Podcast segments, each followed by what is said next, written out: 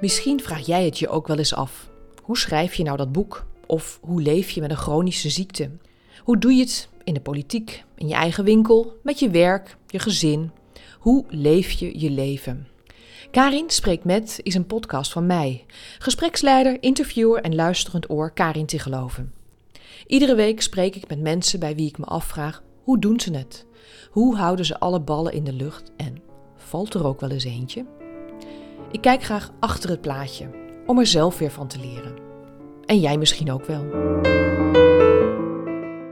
Wat ik heb gedaan is het heel erg vertalen, dus van Chinees naar Nederlands, van Oosters naar Westers, maar ook van zweverig naar praktisch. En daar is mijn uh, basis als architect heeft daar wel aan uh, meegeholpen, dat ik dingen ook wel kan verklaren. Ja, soms klinkt het heel zweverig, maar ja, een gevoel kan je ook zweverig vinden, maar het is er wel. En het is ook altijd waar. Dus ik vind zweverig niet iets negatiefs, maar ik vind het wel een vervelend woord. En uh, mijn werkwijze, zei iemand van, uh, oh het is helemaal niet zweverig, het is heel praktisch. En dat is ook precies wat ik wil doen. Eigenlijk wilde ze zuster worden. Maar de studie geneeskunde was het niet. Een bezoek aan een vriendin in Delft bracht Angelique Slaatjes bij bouwkunde. En rondlopend in het pand was het meteen raak. De maquettes, de indeling van het gebouw. Dit was haar plek. Ze studeerde, ging aan de slag als architect en kwam erachter: opdrachtgevers in de bouw werken vaak vanuit een bepaald stramien en denken lang niet altijd aan de mens, voor wie het huis, de wijk, uiteindelijk bedoeld is. Ze kon niet tegen huilende bewoners en lag dan s'nachts wakker. Angelique wil bouwen voor mensen. En ze wil een beetje zorgen.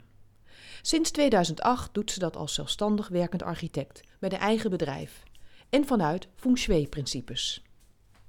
Nou, mijn bedrijf heet eerst Slatius Feng Shui. Je mag feng shui zeggen. Dat, is ook dat mag ook. Ja, dat mag zeker weten. Ja. In het Chinees is het nog iets ingewikkelder. Dat zal ik je niet aandoen. Maar feng shui is, is een beetje hoe je het uitspreekt. Um, daar ben ik mee begonnen in 2008.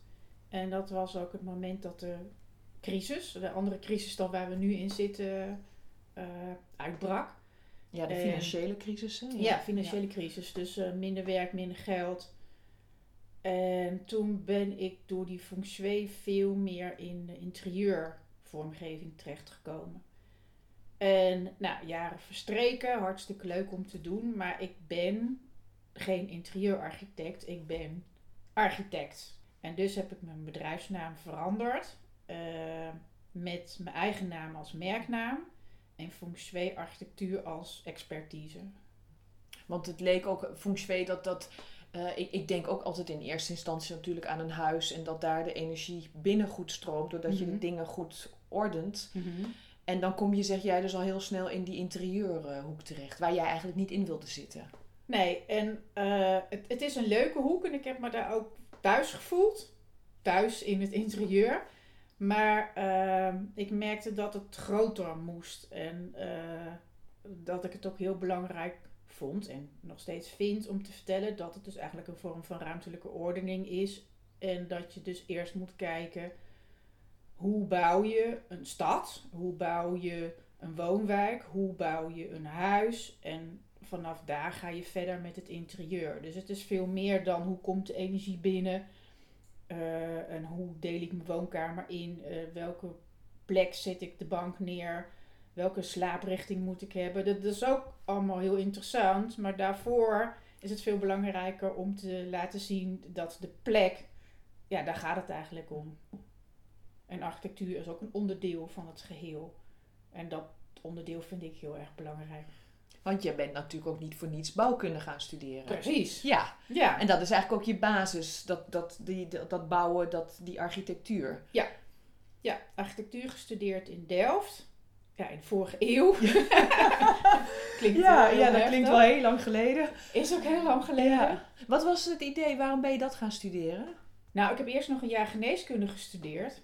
Ja, waarom? Omdat, nou moet ik nog verder terug. Uh, ik wilde altijd... Uh, uh, zuster worden. Dat mag je nou niet meer zeggen, het is nu verpleegkundige. Ja. Maar ja, toen ging ik uh, naar het VWO. nou ben ik jou ook tegengekomen. Ja, dat klopt. En toen dacht ik, oh, dan kan ik eigenlijk net zo goed dokter worden, arts. Maar eh, nooit zo heel goed afgevraagd of dat nou wel echt iets was wat ik wilde. Maar gekozen, zo van dit ga ik doen. Toevallig ingelood, denk ik. Maar na één jaar toen dacht ik al, dit is niks voor mij. En toen kwam een andere vriendin van de middelbare school die in Delft studeerde. Eh, die zei, nou eh, kom eens even naar Delft ehm, logeren. Hier heb je een fiets en fietsjes naar bouwkunde. En helemaal totaal blanco, geen idee wat ze daar nou mee bedoelde. Maar, Maar zij een- had dat beeld bij jou van dat moet je gaan Denk doen. ik, denk ik. En eh, dan moet je in ieder geval gaan kijken of dat, of dat past. En toen had ik een, eh, een eh, studentenfiets geleend met één trapper. Dus het, was ook best ver fietsen, weet ik nog. En ik kwam daar aan en ik dacht, nou, dit is het. Maar toen wist ik nog steeds niet wat het inhield en wat ik ervoor moest doen. En dus toen ben ik weer op die krakkemikkige fiets teruggefietst naar haar studentenhuis. En daar met mensen gepraat. En een dag later weer op een andere fiets naar bouwkunde gefietst. En een afspraak gemaakt met de studentenadviseur. En die zei toen ook van, eh, nou volgens mij ben je hier wel op je plek. Dus hoe, was- wist, hoe wisten zij dat dan, dat jij daar op je plek zou zijn? Om. Nou, dus ze hadden ook vragen gesteld van eh, ho- hoezo, eh, waarom heb je dat gevoel? Wat denk je hier te vinden? Wat kunnen we voor je doen? Wat vind je leuk? En de, die vragen, ik weet niet of ze al eerder waren gesteld, maar die kwamen nu heel duidelijk binnen. Zo van, ja, hier, hier zit ik goed. Dus voornamelijk een gevoel was het. En voor jouzelf dan, wat maakte dat jij dacht van hé, hey, dit, is, eh, dit moet ik gaan doen? creatieve omgeving, eh, leuke mensen. Ehm, ja, de, het mooiste vond ik nog dat ik toen eh, naar de maquettehal liep. Dat was helemaal achter in het gebouw. Het gebouw is trouwens in is afgebrand, hè? 2008, ja. eh, in mei 2008 eh, afgebrand. Dus het is heel raar om daar nu ook aan terug te denken. Want dat beeld zit nog wel steeds in mijn hoofd. Van, oh ja, daar kwam je binnen. Zo liep je er doorheen. Dat was ook een gebouw van Van den Broek en Bakema. Waar we, architecten, waar we ook tentamens over hebben gehad. En dat gebouw hebben we uitgebreid geanalyseerd. Dus ja, en dat is er nu niet meer. Maar goed, het, is er iets moois voor teruggekomen. Maar ik liep daar naar binnen en achterin was de maquettehal. En daar waren ze aan het zagen en aan het plakken en aan het creëren. En toen kwam er weer zo'n gevoel boven van de basisschool. Want ik zat bij mijn vader op school. Ehm, nou, dat is eh, uit de tijd dat eh, meisjes nog eh, handwerken deden en jongens handenarbeid.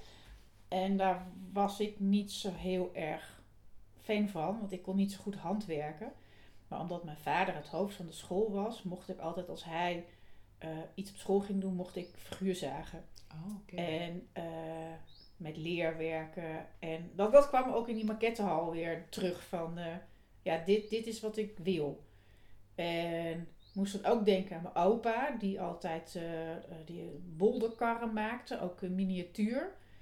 Dus toen, ja, maquettes zijn dus ook kleine eh, huisjes, dus op een andere schaal. En dat was ook wat mijn opa vroeger dus deed. Dus dat, dat, dat, dat was alsof alles op zijn plek viel daar. Oké, wat apart, ja. Dat dat dan weer, dat, en dat zit dan ook nog ergens in de familie waarschijnlijk. Ja, nu dat zegt, ja, blijkbaar. Ja, ja. En, en, en nog heel even, want jij, ehm, zit er nog een link met geneeskunde? Of, want eh, dat- dat jij ook zei, of dat je, dat je zuster wilde worden eigenlijk. Kan je daar nog een, zit daar nog een verband tussen? Ja, ja, ja, goed. Verband, Ja, ja, verband. ja, ik denk het toch wel, want dat heb je toch ook niet voor niks bedacht en gekozen. Ehm, ik merk dat. Eh, ik vond mijn studie heel erg leuk, maar daarna merkte ik dat de menselijke. Nou, niet de menselijke maat, maar de menselijke verhoudingen een beetje verdwenen. Dus het ging eh, in het werk heel erg om de snelheid, om eh, de kosten, om ja, dat wat je moest maken voor de projectontwikkelaar, dat wat je moest ontwerpen, eh, maar nooit voor de mens zelf. En dat ontbrak een beetje toen ik ging werken. En dat heb ik nu weer een beetje teruggehaald. Want ik vind de mens juist heel belangrijk. Want de mens bepaalt hoe het huis eruit ziet, dacht Ja. ik. Maar eh, het wordt eigenlijk voor je bepaald door de bouwers en de ontwikkelaars. Ehm, je krijgt nu wel steeds meer mensen die gaan bouwen op vrije kavels, dat ze het zelf mogen bepalen. Maar nog steeds wordt de markt gedomineerd door ontwikkelaars en mensen die ja, huizen bouwen. Zo van hier mag je wonen, met een beetje geluk, maar je mag nooit zeggen wat je wil. Nee, of dat je zelf inderdaad zou zeggen van nou, ik vind het handig als mijn keuken er zo uitziet, want dan kan ik zo functioneren of, of de indeling zou ik graag zo willen hebben. Ja, dus ook bijvoorbeeld, eh, wat nu wel weer, wat je wel vaak hoort, levensloopbestendig wonen. Dat komt voort uit aangepast bouwen. Vroeger had je een huis en als je dan op wat voor manier dan ook eh, minder valide werd, werd je huis aangepast. Wat nu gebeurt is dat huizen zo ontworpen worden dat, je, eh, dat het geen probleem is als je minder mobiel wordt. Ook, ook eh, als je kijkt naar mensen die ouder worden en vaak minder mobiel, dan is het huis daarop aangepast. Dus het is wel andersom. Maar nog steeds wordt niet aan mensen die bijvoorbeeld in een rolstoel zitten gevraagd van wat heb je nodig. En ik vind het juist heel belangrijk. Eigenlijk wordt- heel raar, hè? Het ja. wordt bedacht voor die mensen. Het wordt bedacht voor die mensen van oké, het huisstoel is nu rolstoel toegankelijk. Maar misschien wil die iemand die in een rolstoel zit wel heel graag binnenkomen via de tuin, noem maar wat. Of eh, wat, wat je nu heel vaak ziet is een slaapkamer op de begane grond, want dat is, het is handig. Maar waarom niet alles op de begane grond? Ja, dat, is, dat is dan weer lastig in Nederland, omdat er te weinig ruimte is. Maar voor mijn gevoel wordt er nog steeds niet helemaal goed nagedacht over de ja, aansluiting mens en product. En wat eigenlijk heel gek, hè? Ja, Hoe kan dat dan? Heb jij daar een verklaring voor? mm, nee, geen verklaring. Ja, dit, dit is zoals het is en het verbetert wel. Wat ik al zei, hè, mensen die gaan bouwen op een vrije kavel, dat je dan zelf kan kiezen. Maar ja, dat zijn mensen die gaan bouwen op een vrije kavel. Ja, en dan zit je in een ander segment. Eh, die mensen weten ook vaak wat ze willen, hebben daar ook geld voor. Ehm, maar, maar sociale woningbouw is, wordt voor je bepaald. En hoe zou jij dat willen doen dan? Mm, ja, sowieso eerst meer in contact komen met mensen die er gaan wonen. Dat je bijvoorbeeld een voorinschrijving hebt en dat je al weet wie er gaat wonen. En dat je daar ook je plannen op afstemt. En dan snap ik ook wel dat dat niet allemaal eh, individuele keuzes kunnen zijn. Dus dat er wel een soort gemiddelde moet zijn. Maar je kan wel mensen vragen van als je hier gaat wonen, hoe, hoe wil je het hebben? Hoe groot wil je je ramen hebben? Waar wil je op uitkijken? Wil je je slaapkamer vast aan de badkamer of liever via de overloop bereikbaar? Dat is toch belangrijk voordat je erin gaat, lijkt mij. Ja, lijkt mij ook wel fijn, ja. Ja, Want soms zitten er van die hele onhandige dingen in, eh, in huizen. Ja. Maar ik denk ook wel, als je het hebt over die levensloopbestendige huizen. Dat is natuurlijk allemaal heel fijn, want dan, heb je, dan is je doorgang bijvoorbeeld breder, zodat er een rolstoel doorheen kan en weet ik wat allemaal. Maar dan, tenminste, denk ik ook altijd een beetje van, ja, maar dan wordt het ook ontzettend ongezellig van. ja maar dat hoeft niet. Dat hoeft niet, Nee, oké. dat nee. Want ik zeg ook altijd van je, je kan ook als jongere, dus neem een jong stel van begin 20, die kan prima in een levensloopbestendig huis wonen op hun eigen manier. Het hoeft niet meteen een senioren. Nee, want dat gevoel zijn. krijg je Dat dan, gevoel ja. krijg je, maar dat hoeft helemaal niet. Want ehm, heb jij drempels in je huis? Ja, En waarom? nou dat zit er al heel lang in. Ja, Ja, maar waar, waar, waar zijn drempels voor? ja om, de, om aan te sluiten op de deur of weet ik veel. Ja, maar dat kan nu veel, veel, veel slimmer. En, en dan heb je ook vloeren die door kunnen lopen. En dan heb je veel minder opdeling in ruimtes of opdeling in hokjes, hoe je het ook wil, wil noemen. En dan loopt alles veel beter door. Dus dan loopt de energie ook beter door. Nou, daar werk ik ook mee natuurlijk. En dat lijkt al een beetje op feng shui natuurlijk, dat de energie beter stroomt. Maar voordat ze zich hier echt in ging verdiepen, leerde Angelique eerst nog meer mensgericht bouwen bij de woningbouwvereniging, want ze wilde wat anders. Ik vond de wereld toen ook een beetje te klein worden, de architectenwereld. Ik dacht, nou, dat is vast meer. Toen heb ik nog een paar jaar voor een woningbouwvereniging gewerkt. En daar eh, weer heel veel geleerd over eh, mensen die in een huis wonen. Dat ik dacht, ja, bij de woningbouwvereniging doen ze dat al beter. Van, eh, eh, ja, dat zijn bestaande woningen, die worden gehuurd door mensen. En aan de andere kant had je dan de opdracht van de wijk waar die mensen in wonen. Die, uh, dat kost ons te veel geld. Kost, de, qua onderhoud, gebouwen waren van net na de oorlog, dus niet altijd beste kwaliteit. Je kan het gaan opknappen, maar ja, dat kost heel veel geld. En wat, wat krijg je er dan voor terug? Dus er werden ook plannen gemaakt voor herstructurering. Dus van hoe uh, gaan we dit gebied opnieuw ontwikkelen met bestaande middelen. En dan kom je dus uit op opknappen. Nou, dat, dat, dat vonden de meeste bewoners de beste oplossing. Echt uitgebreid renoveren, maar dan ging de huurprijs weer flink omhoog. Of slopen en nieuw bouwen. En uh, dan was het in de planvorming met heel veel verschillende partijen van ja, wat, wat, is nu de beste oplossing? Dus daar was het eigenlijk al wel fijner van. Er werd ook naar de bewoners geluisterd. Maar we moesten ook financiën in de gaten houden. En, uh, en hoe, hoe, werd er dan naar de bewoners geluisterd? Uh, die, die, die, we hadden huisbezoeken, dus gingen wij mensen op bezoek. Van uh, we zijn bezig met uh, plannen voor deze wijk en wat zou u willen en wat denkt u ook dat mogelijk is? Omdat, ja, als je aan iemand vraagt wat wilt u, dan wil iedereen een kasteel. En ja, vrijstaand huis, maar dat, dat zat er niet in. Maar wat, wat, wat je toen heel veel hoorde was, ik woon hier prima. Oh, en waarom moet het allemaal anders? En toen dacht ik ook van, oh ja, dus dat is ook lastig, want het kon niet blijven zoals het was. Dus er moest wat gebeuren. En dat was ook het meest ingewikkelde van hoe krijg je mensen daarin mee. En, dat is uh, eigenlijk dan iets, waarschijnlijk iets heel anders dan het bouwen. Dat gaat ook veel meer over hoe je dat overbrengt en, en hoe, hoe die mensen daarmee omgaan. Ja, ja, maar dat, dat vind ik een heel belangrijk uh, aspect. Dat je mensen erbij betrekt. En dat ze er geen voorstander van zijn, dat snap ik ook wel. Maar ja, je hebt wel allemaal experts die kunnen laten zien wat de mogelijkheden zijn. En uh, ja, soms zaten er ook bewoners aan tafel bij de planvorming uh, om te vertellen dat ze een plan niet goed vonden en dat het net iets anders moest. Dus die werden er echt wel bij betrokken. Vond ik heel interessant. Maar ja, de boodschap was wel heel vaak: uh, uw huis gaat plat. En nou ja, die, die, paniek lag dan weer bij een andere afdeling. Wij konden verder met, met de plannen.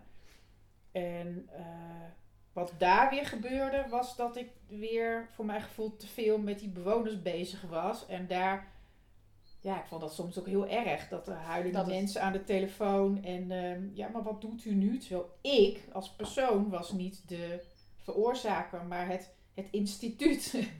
en dat ik daar als persoon wel last van had. Dat mensen dat moeilijk vonden.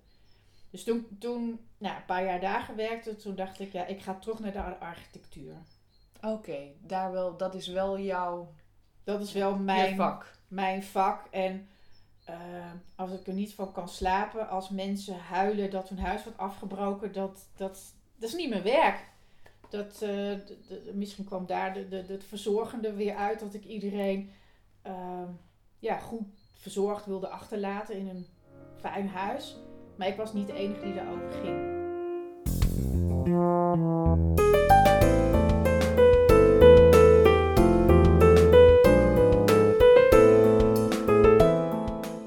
En dat was het moment dat ze terugging naar de architectuur en ze ging feng shui ging verdiepen, waar ze eigenlijk altijd al in geïnteresseerd was. En daarom ging Angelique ook naar Azië, Maleisië, om dicht bij de bron masterclasses feng shui te volgen en er vervolgens zelf nog een jaar op door te studeren. Laten wij dan ook maar bij de basis beginnen. Wat betekent het eigenlijk, feng shui? Feng shui, feng shui, ja. betekent letterlijk wind en water. En uh, het gaat over de energie uh, in de omgeving. En uh, de energie, de chi, wordt verspreid door de wind. Feng. En shui verzamelt zich bij water. Dus daarom zijn uh, ja, die energie, die chi, die wind, dus eigenlijk de flow uh, in je huis is heel belangrijk. Maar ook de flow in de straat, in de wijk, in de stad, van, van hoe ziet dat eruit. En eh, punten met water worden in Shui altijd als heel positief gezien, want daar verzamelt het chi. Dus dat zijn sterke plekken. Dus ja, veel mensen willen ook aan het water wonen, of met uitzicht op water, of aan zee. En dat is niet voor niks. Dat, ja, want daar, daar komt die energie dan samen. Ja. Ja, De hoogste concentratie energie. oké. Ja, maar ja, niet iedereen kan natuurlijk aan het water wonen. Nee. En in Feng Shui heb je ook dat je eh, rugdekking zoekt in de vorm van bergen. Nou, dat is in Nederland best lastig, die bergen. Dus Ja. eh, eh, dan moet je dat... En dat, dat was ook toen ik uit Maleisië terugkwam, de, de studie van hoe vertaal ik dat hele Chinese, Chineesachtige naar, naar de westerse wereld. Wat doe ik met ja, het gebrek aan bergen? Hoe, hoe zoek je hier dan rugdekking? En dat kan in Nederland dus heel goed met eh, ja, beschutting. Kijk maar om je heen hoeveel mensen achter hun huis eh, goede beschuttingen hebben, hoge bomen. Ehm, ja, die worden het meest gebruikt. Maar dat je, dat je je veilig voelt in je omgeving, daar gaat het om. Ja, wat je hebt, dat, je ziet het natuurlijk ook bij de boerderijen die, die afgezonderd liggen, waar ook altijd natuurlijk een, een haag ook tegen de, voor de wind. Ja. Maar dat heeft ook een soort bescherming natuurlijk voor de, voor de boerderij. Ja, het is eigenlijk een soort leunstoel waar je in zit. Dus je moet een, een rugleuning hebben waar je lekker tegenaan leunt. Maar je armen moeten ook kunnen steunen. Dat zijn dan de zijkanten van het huis. Die moeten ook En waar Ja. steunen die dan op? Eh, dat kunnen ook hagen zijn, maar of, of eh, muurtjes of eh, je buurhuis. Het ligt er een beetje aan wat Waar voor je huis woont, ja, ja. waar je woont. Of het vrijstaand is of het geschakeld is, twee onder één kap. Maar in ieder geval de zijkanten moeten ook ja, steun geven. En voor je, want je zit met je rug tegen de rugleuning, je Ja. steunt je armen en dan kijk je vooruit Dan kijk je uit op het water. op het beste wat je kan hebben. Water, volgens Feng Shui. Maar dat hebben we dus ook niet overal, dat zei je net al. Maar vrij uitzicht is dus wel heel belangrijk. Dat er niet voor je voordeur meteen een ander gebouw staat. Of een hele grote lantaarnpaal. Of een... Nou ja, je wil aan de voorkant ruimte hebben. En dan het liefst met water. Maar als dat er niet is, eh, ruimte. Eigenlijk klinkt dat ook wel logisch, hè? Want ja, niemand zit te wachten op een hoog of een gebouw vlak voor je deur. Nee, maar, maar eh, dan kan je zeggen, daar zit je niet op te wachten. Maar als de, de ontwikkelende partij vindt dat daar toch echt al daar de, de volgende huisblok moet komen, dan gaat het wel door. Want Daar- dan, ja, daar- ja, want hoe zit dat in, in wordt dat, eh, eh, eh, jij doet het al een hele tijd, maar wordt, worden die principes eh, ook elders, bijvoorbeeld hier in Nederland met woningbouw toegepast? Of stedenbouw? Nou, eh, er is een raakvlak met architectuur. Het is niet voor niks dat ik dat opgezocht heb. En in de jaren 30 van de vorige eeuw. Ja, iemand zei ja, de jaren 30 zijn hier ook alweer bijna aan de beurt. Maar had je dus het modernisme en werd licht, lucht en ruimte heel belangrijk. En dat is nog steeds wel zichtbaar in Nederlandse architectuur en stedenbouw. Eh, maar dat is ook een feng shui principe. Oh ja. Dus, eh, maar toen is het dus vanuit de architectuur wel doorgedrongen dat, dat, dat er ruimte nodig is. En dan wordt het wel toegepast, maar heet het niet feng shui. Oké, ja. Maar dat, dat was wel iets wat toen ook wel belangrijk werd gevonden. Ja. En nu? En nu, ja, we zijn weer bijna bij de jaren 30 dus. Dus we gaan het weer belangrijk maken dat, dat eh, de huizen niet dicht op elkaar komen. Het zijn ook nu, er is nu ook andere regelgeving natuurlijk elke keer dat ehm, huizen ook niet te dicht op elkaar mogen komen. En ook bij vrije kavels, dat je niet te dicht op je buren gaat zitten. Daar zijn regels voor. Maar soms kan het nog wel wat aangescherpt worden. Dus ik denk van, daar, Ja, want daar ik vind nog wel wat te halen. Je ziet wel vaak van die wijken waar het staan al prachtige huizen, maar dan hebben ze echt een mini tuintje en het staat allemaal heel dicht op elkaar. Ja. Dan, dan, dan is dat stedenbouwkundig plan zo ontworpen en dan wordt het zo uitgevoerd. En eh daar zit er weinig lucht in. Te weinig lucht. Maar dat, dat merk je ook dat mensen dan eh, te dicht op elkaar zitten. En dat uit zich ook wel eh, ja, burenruzies. dat heb je natuurlijk overal. Maar of dat kan overal voorkomen. Maar te dicht op elkaar, ja, dat merk je gewoon Dan kan die energie. die energie kan niet weg. En ehm, je hebt dan ook botsingen met energie van andere mensen die te dichtbij zitten. Te, ja, te dicht op je huid zitten. En kan je, ja, soms is het natuurlijk ook niet te vermijden. Als je kijkt naar Nederland, Nederland is natuurlijk een dichtbevolkt land. Ja. Dus dan is het woekeren met de ruimte. Ja. Dus dan is het heel fijn dat je allemaal lucht en licht en ruimte. Maar soms kan het natuurlijk gewoon niet. Of zeg jij het kan wel?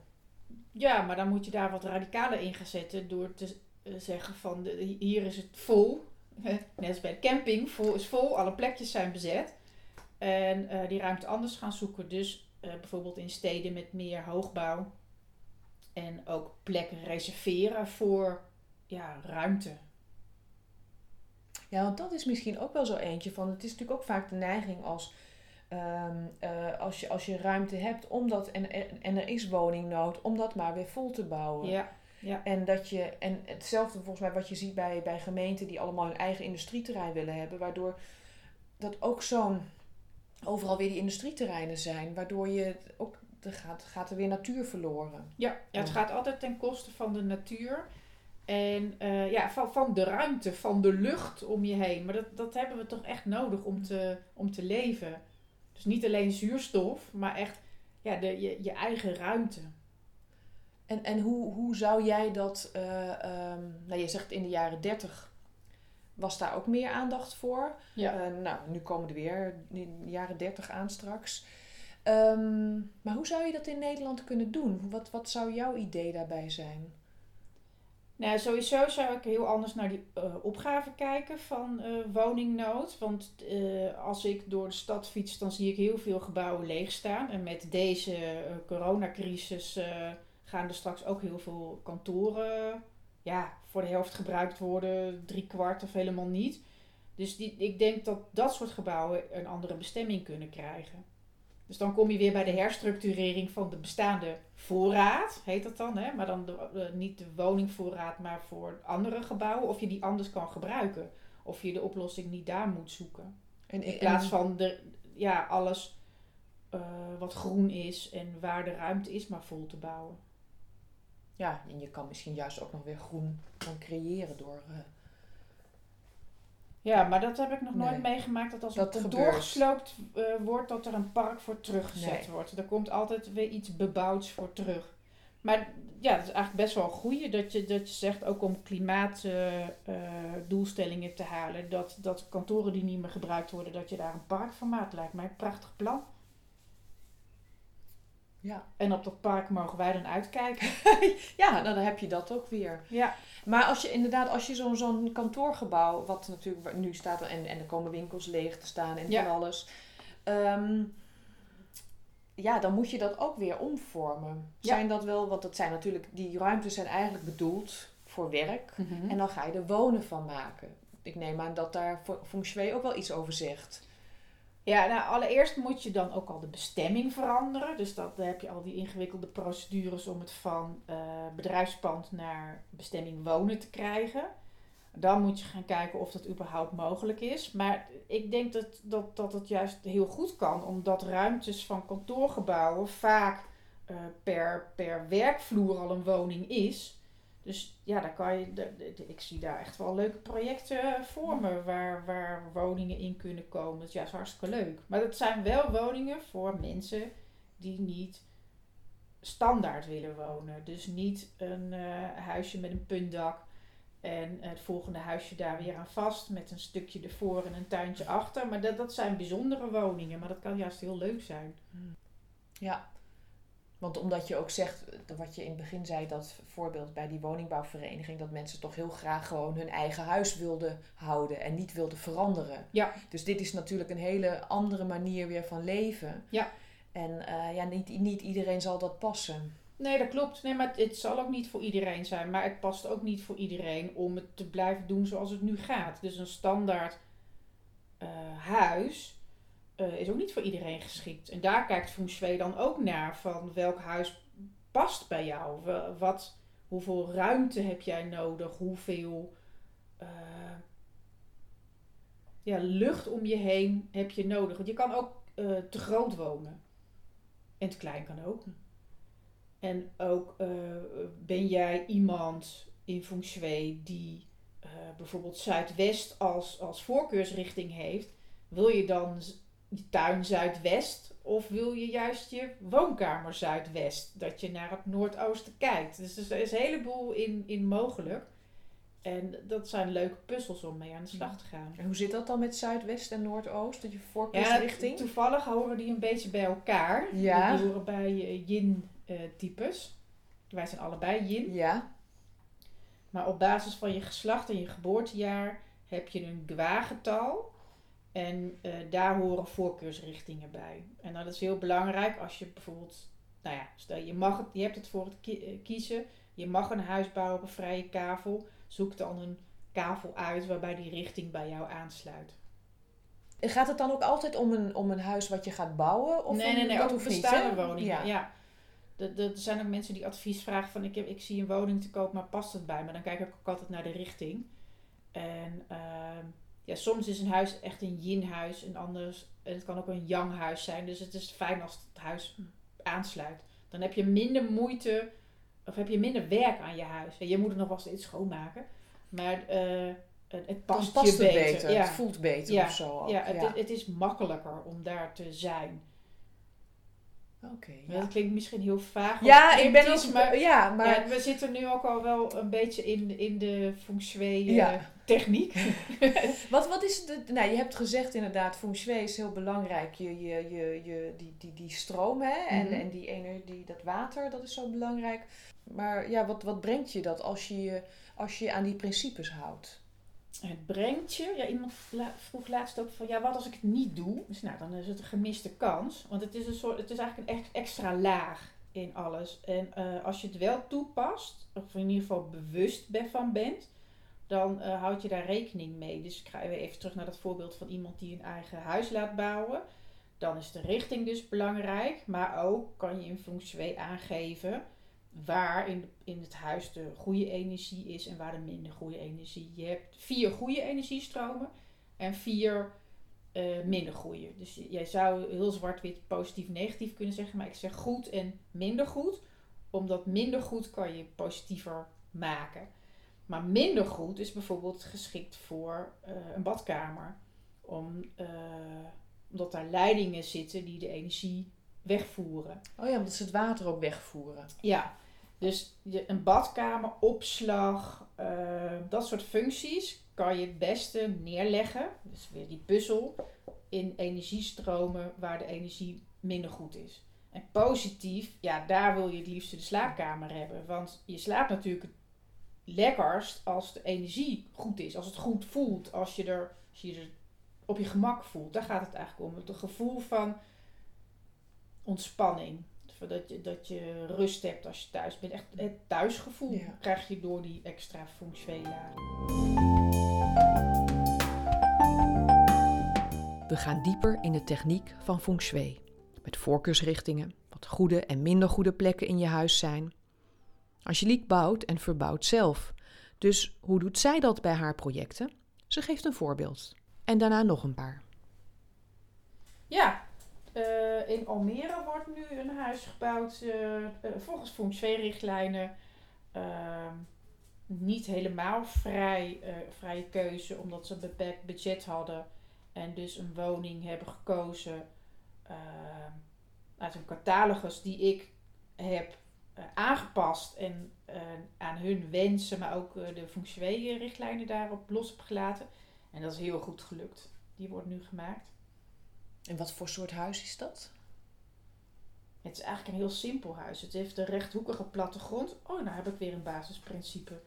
Ehm, recht, rechthoeken zijn eh, stabiele vormen. Of eigenlijk eh, vormen met vier hoeken. Dus dat kan een vierkant zijn, maar dat is in huizenplattegronden meestal een rechthoek. Dat, dat heet de Four Points Gold.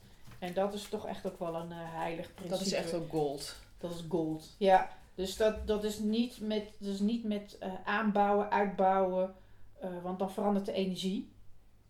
Maar gewoon een, een, een solide basis, plattegrond, rechthoekig. En natuurlijk mag er wel een stukje uitsteken of een stukje eraf, want anders kan het ook wel heel saai worden. Maar je moet wel opletten met, met aanbouwen en extra stukken en twee huizen aan elkaar koppelen. Dat, dat levert allemaal hele andere energievelden op. Maar dit huis in Almere heeft dus een rechthoekige plattegrond en Ja. een, ehm, een dak. Van, aan de ene kant is die drie meter hoog en aan de andere kant vijf, dus een schuin oplopend dak. eh, met daarin een vrij klassieke verdeling. Je komt binnen in het midden. En dan links en rechts een eh, logeerkamer, kantoor. Loop je door, heb je een grote woonkamer met een keuken. Maar dat is dan ook wel weer leuk. De, de nieuwe technologieën en de, de eco-design, duurzaam bouwen. Dat is een aparte ruimte voor een warmtepomp. Die heel veel ruimte in beslag neemt. Maar gecombineerd met de berging. Oh ja. En dan aan één kant is het huis dus hoger. En aan die kant liggen de slaapkamers en de badkamer. En dan aan de, de lage kant zit wel een, eh, een stuk glas waardoor je wel de, de velden over kan kijken. Oh, mooi. Ja. Ja. En dat heb jij dus aan... Het kwam, uit een, eh, het kwam ergens vandaan en jij hebt het aangepast en echt ge- getekend ook. Ja. Ja. En dat is wat je doet. Dat is wat ik doe. Ja. Maar je geeft ook mensen advies als ze willen verbouwen of... ehm, Ja, dus de, de eh, nieuwbouw, verbouw en ook af en toe een interieuropdracht. En wat is nou, wat, wat, waar gaat jouw eigen hart naar uit? Wat vind je het leukst om te doen? Ja, ik vind verbouwen toch ook wel heel leuk, omdat eh, ja, nieuwbouw is, is ook leuk hoor, maar, maar soms is het moeilijker, omdat, omdat je dan, je hebt zo'n lap grond en dan mag dan iets opkomen. En, en, en dan ben ik altijd blij met regels van eh, het dak zo hoog, maximaal vloeroppervlak, dit. Eh, daar, dan, dan zijn dat geen beperkingen, maar een soort... soort Die geeft je eh, juist ja, vrijheid. Nee, ook niet de vrijheid, maar dan houvast geven ze je. En dat is met verbouwen ook, van je hebt een bestaande situatie en niet alles kan. Maar dat je dan toch gaat, gaat priegelen en prutsen en eh, dan weer ruim denken om het toch voor elkaar te krijgen. Dus dat, dat je zoveel mogelijk van de shui principes en de wensen van de opdrachtgever eh, in, in dat huis krijgt. Binnen het budget. En wat is nou een project waarvan je echt denkt van, nou, daar was ik hartstikke trots op. Dat heb ik, eh, ja, dat is goed gelukt. En dat, dat, dat, dat mensen zijn daar blij mee. En, eh, Nou, dat, dat, die woning in Almere ben ik nu al trots op, omdat, eh, omdat niemand eruit kwam. Omdat het, de, de randvoorwaarden te scherp waren opgesteld. En, en de mensen die er gingen wonen ook zoiets hadden van, ah, nee, dit is het niet helemaal. Dat het dan toch is iets geworden in ontwerp, waarvan zij zeiden van, eh, ja, dit is het. Dat je echt zo'n zucht van verlichting hoorde, ook door de telefoon van, ja, dit is het. En eh, dat het dan nu gemaakt wordt, daar ben ik heel trots op. En als het er dan straks staat, maar dat duurt nog eventjes, dan, dan ja, dat, dat lijkt me heel leuk dat je daar dan in dat weiland, voorheen weiland staat en tegen, van, ja, heb ik bedacht. ja. En eh, een ander leuk project is eh, de praktijk voor orthodontie in Amstelveen. Met een heel bouwteam eh, hebben we die praktijk, wat twee woonhuizen waren. Twee geschakelde woonhuizen hebben we daar één praktijk voor orthodontie van gemaakt. Dus dat is een heel mooi verbouwingsproject geweest. Interieur eh, ook samen met het bouwteam gedaan. Dus de feng shui qua kleuren, eh, alles zit op de goede plek. Eh, want die praktijk blijkt corona-proof nu. Oh, wat goed. En daar, daar hadden we van tevoren, toen wisten we nog niet wat corona was natuurlijk. Maar, maar nu blijkt, die praktijk kon ook gewoon doordraaien, omdat er een aparte ingang en een aparte uitgang is. En eh, die energie daar zo logisch loopt, dat het ook eh corona-bestendig eh, is. Oh, fantastisch. Corona-proof gebouw. Ja, en dat wist je toen nog helemaal niet. Ja, misschien wel, maar niet bewust. Nee, nee. Ehm, en heb je ook wel eens gehad dat je iets had wat echt gewoon... ehm, of je dacht, oh shit, daar... Of dat je daar echt dacht van, nou, nu, nu, ben ik, nu heb ik de plank misgeslagen. Nee. Nee? Nee. Oh, dat is mooi. Ja. Het is altijd wel spannend, hè? omdat je Want- natuurlijk ook wel met opdrachtgevers te maken hebt. Maar ik had laatst nog een verbouwing van een, eh, een kritische opdrachtgever.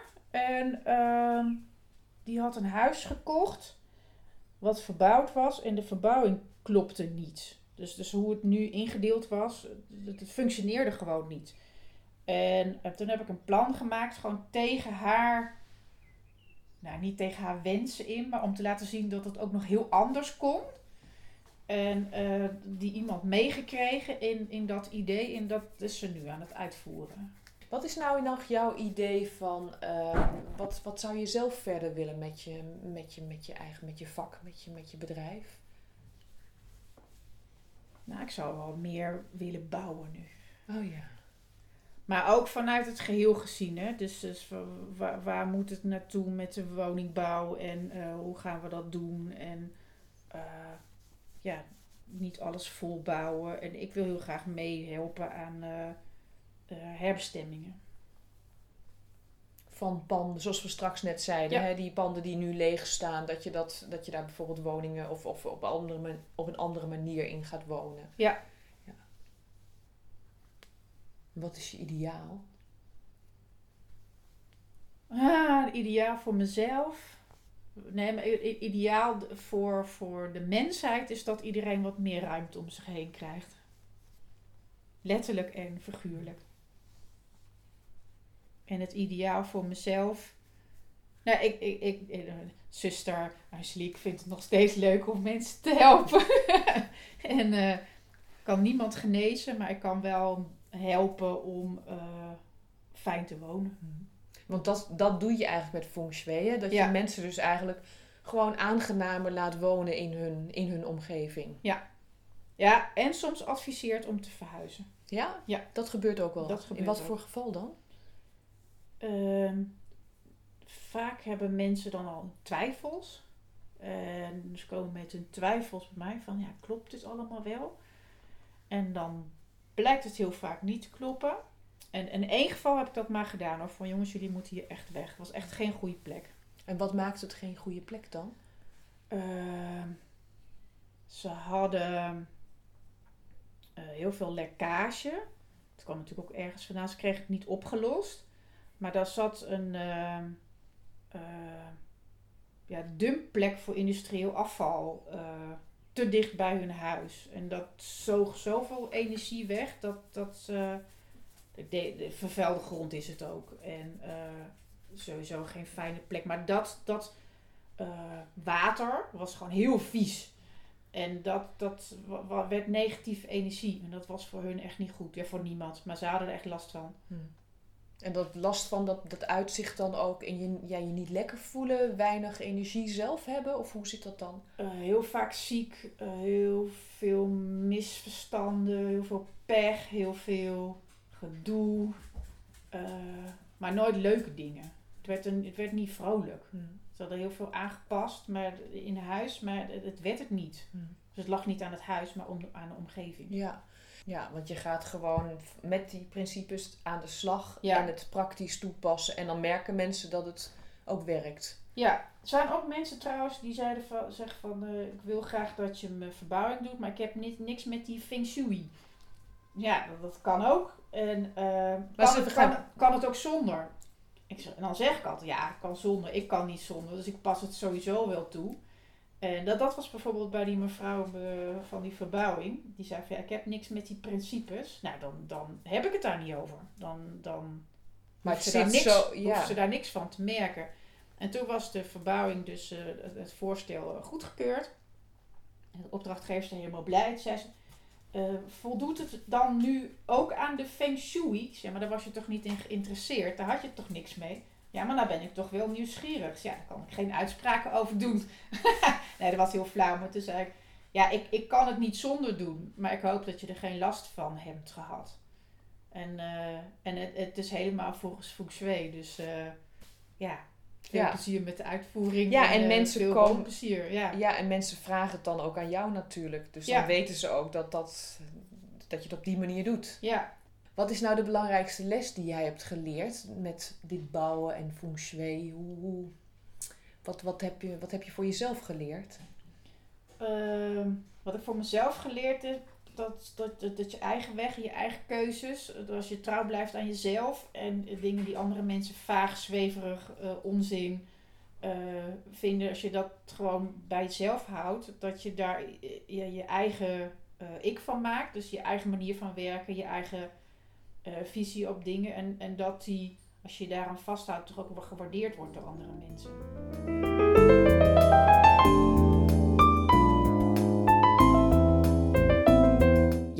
Jezelf blijven. Dat doet ze. Dankjewel, Angelique. Wil je meer weten?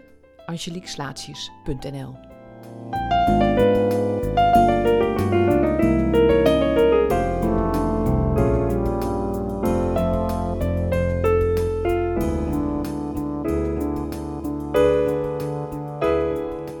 Karin Spreekt Met is mijn podcast. En ik ben gespreksleider, interviewer en luisterend oor Karin Tigeloven. De muziek onder deze podcast is een eigen compositie van buurman Henny Westerwaal. Met dank aan zijn vrouw Connie, want Henny is niet meer, maar zijn muziek gelukkig nog wel. Vind je de podcast leuk, mooi, interessant? Abonneer je dan en geef sterren. En heb je zelf ideeën of tips? Mail ze naar contact.karintigeloven.nl Karin met een C. Tot volgende week.